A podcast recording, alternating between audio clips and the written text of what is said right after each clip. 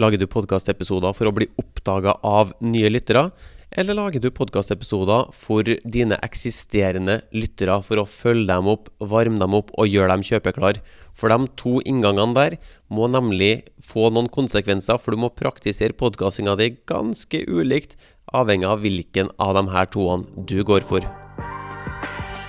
Er du en gründer som selger kunnskapen din på internett? Hvis du ønsker mer synlighet, større frihet, flere kunder og en stemme som blir hørt, har du kommet til riktig sted.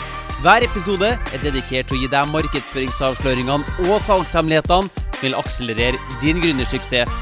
Hvis du ønsker din egen markedsføringspodkast laga og lansert for deg, så kan jeg hjelpe deg med det her hvis du går til mortensholm.com. Velkommen, nå kjører vi på!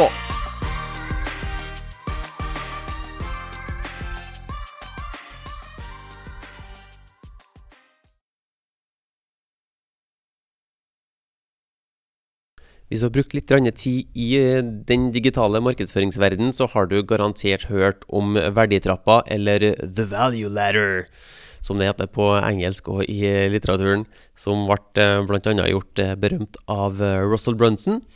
Um, men det her er da et rammeverk som bare illustrere at du kan ha gratisprodukter på starten av produktsortimentet ditt som er ment for å dra eh, mennesker inn i din verden for å få e-postadressen deres, eller for å få mm, ja, telefonnummeret deres, eller for å bygge goodwill med dem gjennom vanlig innholdsmarkedsføring eller content marketing. Da.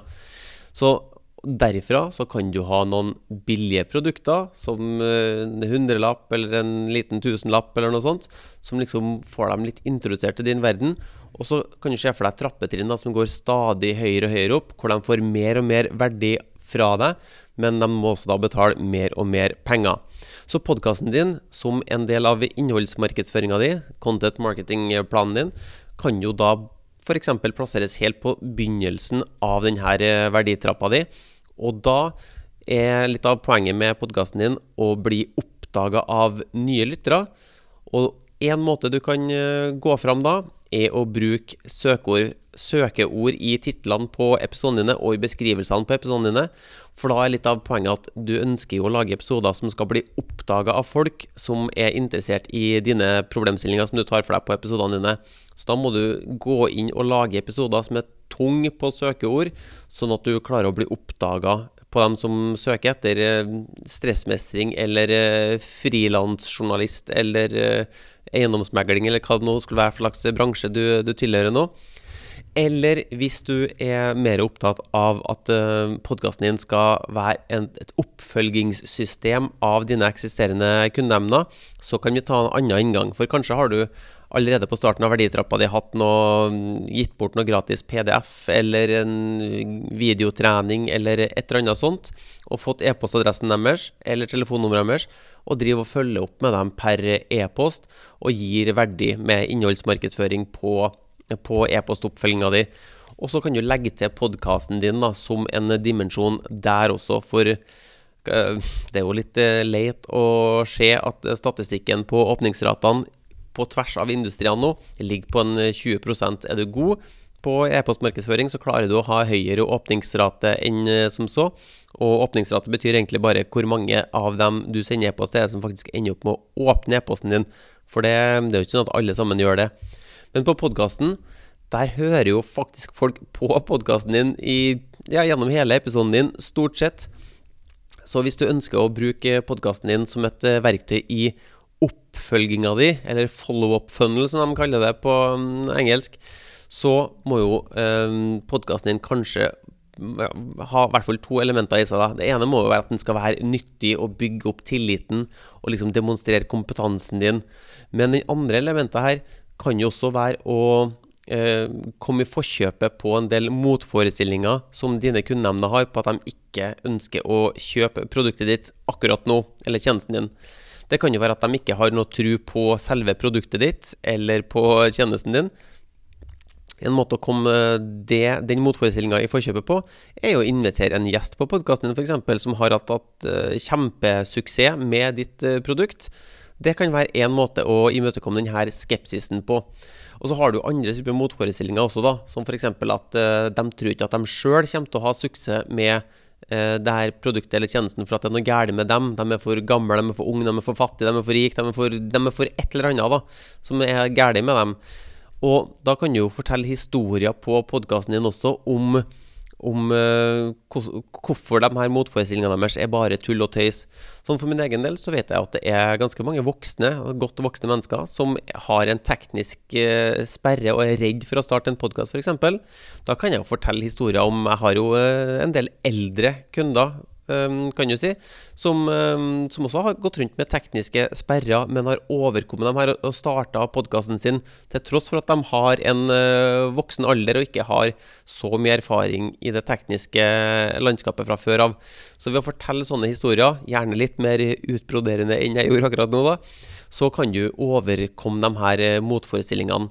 Så første motforestilling, de tror ikke på produktet eller tjenesten din. Eh, det andre motforestillinga de tror ikke at det her passer for seg sjøl. Og så har du det tredje typen motforestilling med at det er noe i omstendighetene deres. At det er dårlig timing, de har litt dårlig økonomi, nå, det er en eh, pandemi som foregår. Så derfor går ikke at det er et eller annet i den ytre verden som gjør at, eh, ikke, at de ikke kommer til å ha suksess med det her akkurat nå. da.